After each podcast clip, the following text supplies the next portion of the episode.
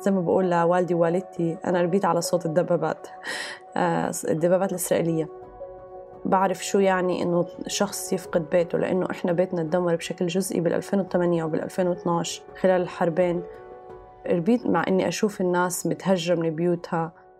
بالحلقة الماضية من مد وجزر تكلمنا عن مشكلة الاستهلاك وركزنا على مشروع المستودع في مدينة رام الله واللي بينظم مجموعة نشاطات مثل سينما صغيرة وجاليري. ومتجر للمصممين المحليين. بس المميز في كل هالنشاطات إنه ما بنتج عنهم أي نوع نفايات. بنقدر نقول أنه البيئة بفلسطين حالة فريدة بسبب عامل الاحتلال. ولهذا السبب قررنا نحكي عن جانب جديد عن هالحالة وهالمرة من غزة. فقابلنا مجد مشهراوي وهي مؤسسة شركة جرين كيك تجمع الشركة ركام الأبنية المدمرة بعد القصف الإسرائيلي وبتصنع من الركام أحجار جديدة تستخدم للبناء. أحجار صديقة للبيئة.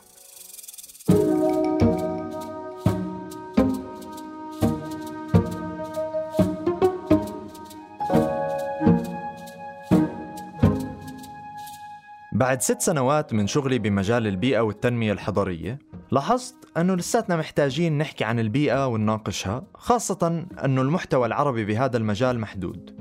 من هون انخلق هالبودكاست أنا علي عطاري بقدم لكم بودكاست مد وجزر اللي رح ناخد ونعطي فيه لحتى نفهم بيئتنا أكتر.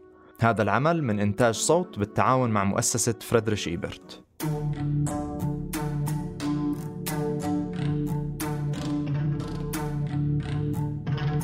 عام 2006 انفرض حصار على قطاع غزة ما زال مستمر حتى اليوم. وبعد سنتين من بدء الحصار عاش سكان القطاع حرب 2008 واللي نتج عنها ضحايا وأضرار كثيرة. ومن هالأضرار الهدم الكلي أو الجزئي لحوالي 12 ألف بيت. من البيوت اللي هدمت جزئيا كان بيت مجد وبالحرب اللي بعدها في غزة سنة 2012 رجعت مجد على بيتها لتلاقيه مدمر كمان مرة. بيتنا القديم كان كتير كتير حلو يعني كانت عند قدام جنينة وبركة مية. كنا كتير مبسوطين يعني بالنسبة إلي مضيت كل طفولتي هناك. كنت عمري ست سنوات آه، لغاية ما تركنا المكان بال 2013 تتذكر مجد هداك اليوم كتير منيح. كنت بالمدرسة. أخذوني من المدرسة على بيت جدي علشان عشان بدأت الحرب بال 2008 فأنت رجعت بعد الحرب فأنت ما لقيتش أساسا وجود لك هناك. كل يعني كل ذكرياتك راحت. يعني الجنينة بالألعاب بالبسكليت. يعني لدرجة هاي التفاصيل بالشجرة اللي كانت موجودة في النص.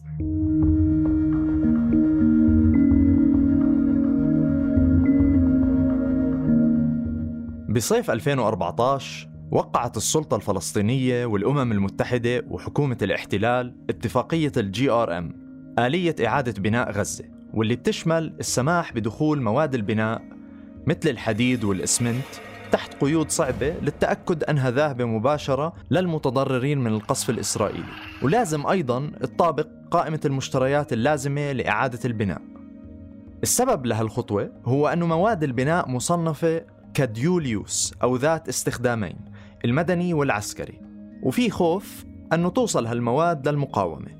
طبعا هاي العملية نتج عنها تضرر قطاع المقاولات بغزة بشكل كبير.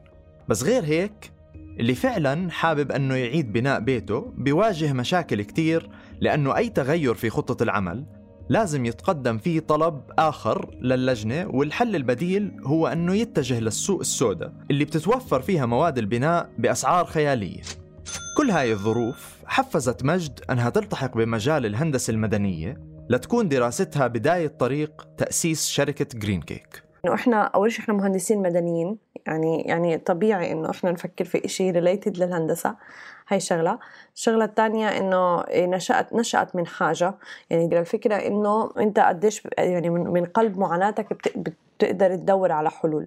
في كتير ناس منهم أقارب إلنا كانوا كمان عايشين بنفس المنطقة ما قدروا ينقلوا على بيوت جديدة وضلوا يستنوا على أبواب ال United Nations Development Programme هو برنامج الأمم المتحدة إلى أجل إنهم يكون عندهم access على يجيبوا إسمنت وأحجار وحصمة وغيره وخلافه المواد اللازمة لبناء بيوتهم. فاللي بيصير إنه هدول العالم عشان يقدروا يبنوا بيوتهم آه، بيضطروا إنهم يستنوا سنوات. يعني إحنا اليوم في عام 2020 وأنا قبل ما تصير ال lockdown عنا بسبب الكورونا آه، زرت ناس لسه عايشين جوا caravans جوا خيم في المناطق زي جحر الديك وغيرها. جحر الديك أو قرية وادي غزة حسب اسمها الرسمي هي قرية جنوب محافظة غزة.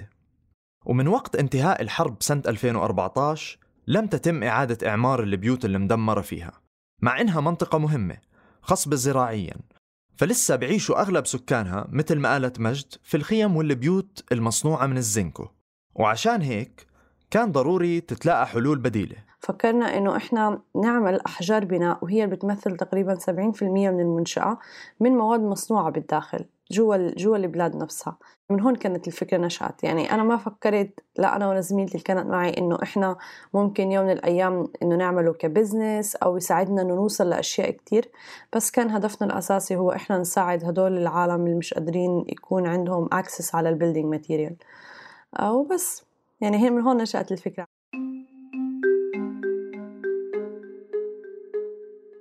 الركام مش مشكلة غزة البيئية الوحيدة. تضاف إلها عدم قدرة البلدية على تقديم بعض الخدمات مثل جمع النفايات بشكل جيد. على سبيل المثال كانت منطقة بيت لاهية في شمال غزة منطقة زراعية نظيفة وسكانها راضيين لحد ما. بعد بدء جائحة كورونا اضطرت البلدية أنها توقف بعض الخدمات من ضمنها جمع النفايات من مناطق معينة. وهذا سبب تراكم للنفايات. وعشان تصير الأمور أسوأ اثنين من المكبات الرئيسية في قطاع غزة إقراب من السياج. لما نقول السياج فعليا عم نحكي عن أرض واقعة بين سياجين. واحد بشكل حاجز وبحد من حركة الناس والآخر هو مزود بأجهزة ذكية للمراقبة. الوصول للمكبات الرئيسية مش سهل وهذا ساهم في تكون مكبات عشوائية كتير قريبة من مناطق سكنية مثل بيت لاهية. المكبات الرسمية عادة المفروض تكون مصممة بطريقة تستوعب النفايات المختلفة اللي بتيجي وبتقلل الآثار البيئية اللي ممكن تنتج. أما في هاي الحالة المكبات العشوائية بالمرة مش مؤهلة أنها تستوعب أي نوع نفايات والسكان اللي بيعيشوا بالقرب من المكبات أكثر عرضة للمكاره الصحية والأمراض. غير هيك هالمكبات بتأثر على المياه الجوفية بشكل خطير عشانها بتسرب المعادن والبكتيريا والفيروسات داخل المي وممكن تصير سامة. في هاي الحالة الأضرار البيئية الطبيعية ملموسة وبتأثر بطريقة مباشرة على بيئة الإنسان المحيطة. لما نفكر في قطاع زي قطاع غزة في يعني ال waste management عندنا أو إدارة النفايات الصلبة إيه، أو إدارة النفايات بشكل أساسي كتير كتير سيئة. يعني ما في عنا بنى تحتية لهالحكي. إيه، لما أحكي عن النفايات أنا بشمل كل النفايات. بشمل النفايات الطبية النفايات الصلبة النفايات العضوية. إيه، القاش هو أحد هاي النفايات اللي بيتم كبها بشكل أساسي بشكل مباشر في على الخطوط الشرقية لغزة. وبتم تسريبها للمياه الجوفية. المشكلة على إنه مش حنشوف نتائجها الآن حنشوف نتائجها عشر سنين من الآن. وهذا الإشي اللي بنحاول دائما نقوله بنقول إنه إحنا يا عم النفايات مش مشكلتنا الآن مشكلتنا لا قدام. لأنه هلأ المياه الجوفية عليها سحب جدا عالي يعني طبقة ال ground water بيتم استنزافها. واستنزافها هذا معناته بتفوت عليها مياه من البحر بتفوت عليها مياه من التربة وهي كلها بتكون ملوثات. يعني تخيل واحد قاعد بيشرب مية فيها نسبة مواد كيميائية عالية جدا زي الرصاص وغيره وغيره. فالقش هذا كتير كتير كتير خطير.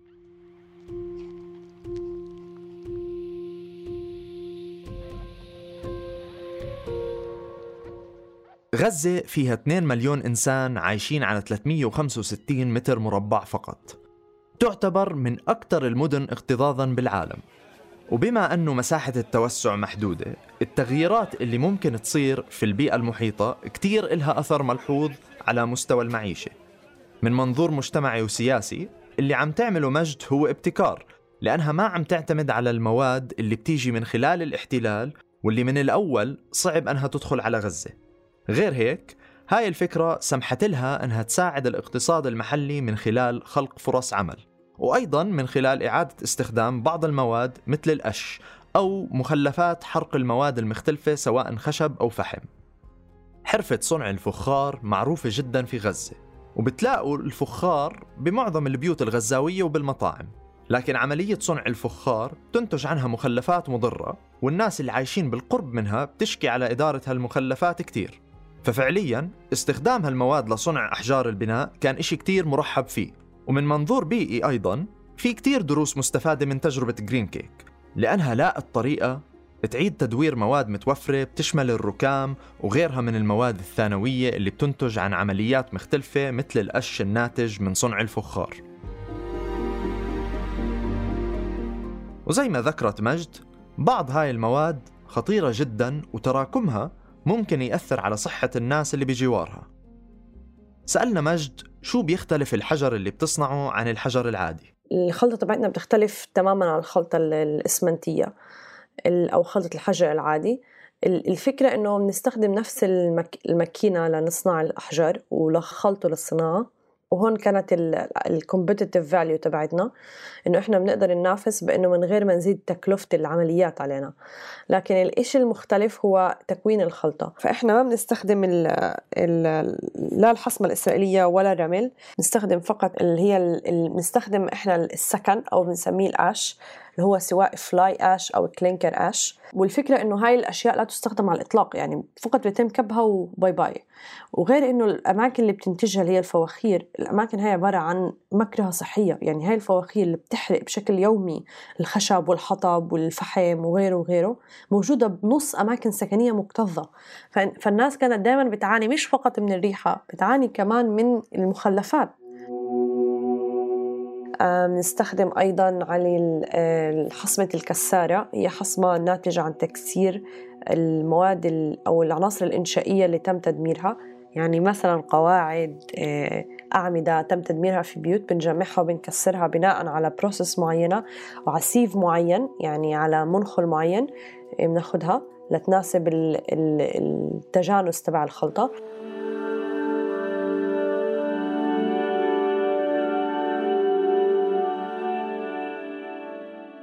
للأسف معظم العالم سواء بطريقة مباشرة أو غير مباشرة مشارك أو متأثر من الحروب. بس في ضحية ما بنلتفت إلها عادة وهي البيئة واللي في كل هالحالات عم تتأثر بشكل مباشر. يعني بس نفكر بتشغيل الجيوش لحاله. هو كفيل بإلحاق أضرار كبيرة بالبيئة. الجيوش الكبيرة والأسلحة اللي بيستخدموها عندها نسبة انبعاثات أكبر من دول كاملة.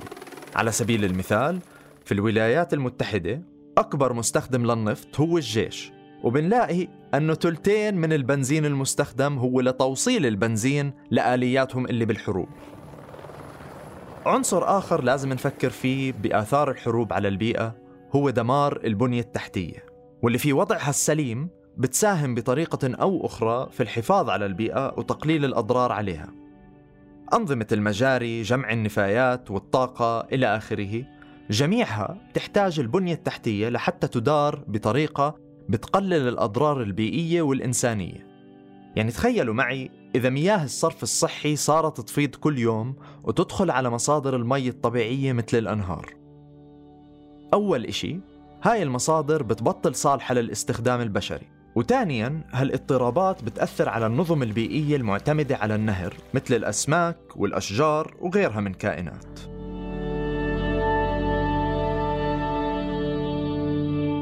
استخدمت مجد واقعها الصعب لحتى تلاقي فرص تحسن من مجتمعها لأنها بتآمن أنه التغيير لازم يجي من الداخل ومش بشكل مساعدات وتبرعات. الحل البيئي في هاي الحالة كان جزء من الحل الواقعي. حب إنه أنا عن جد حابة أساعد الناس هون حابة اعمل لهم كثير شغلات حابة يكون الإشي كثير في ال development يعني ما يكونش الإشي ب charity لأنه في كثير ناس بتعمل charity كثير ناس بتجيب لك food بتجيب لك housing مش عارف شو بس أنا حابة يكون الإشي في ال development ك investment في الشباب في ال infrastructure هون. يعني كان هدفي من Green Cake مش فقط إني أعمل rebuild هدفي إنه أغير ال social norm أعمل أعمل يعني أنا كنت محتاجة حد يعمل لي inspiring أنا هلأ صرت أحس إنه الشغل هذا بيعمل inspiration لكثير ناس أنا بالمجتمع.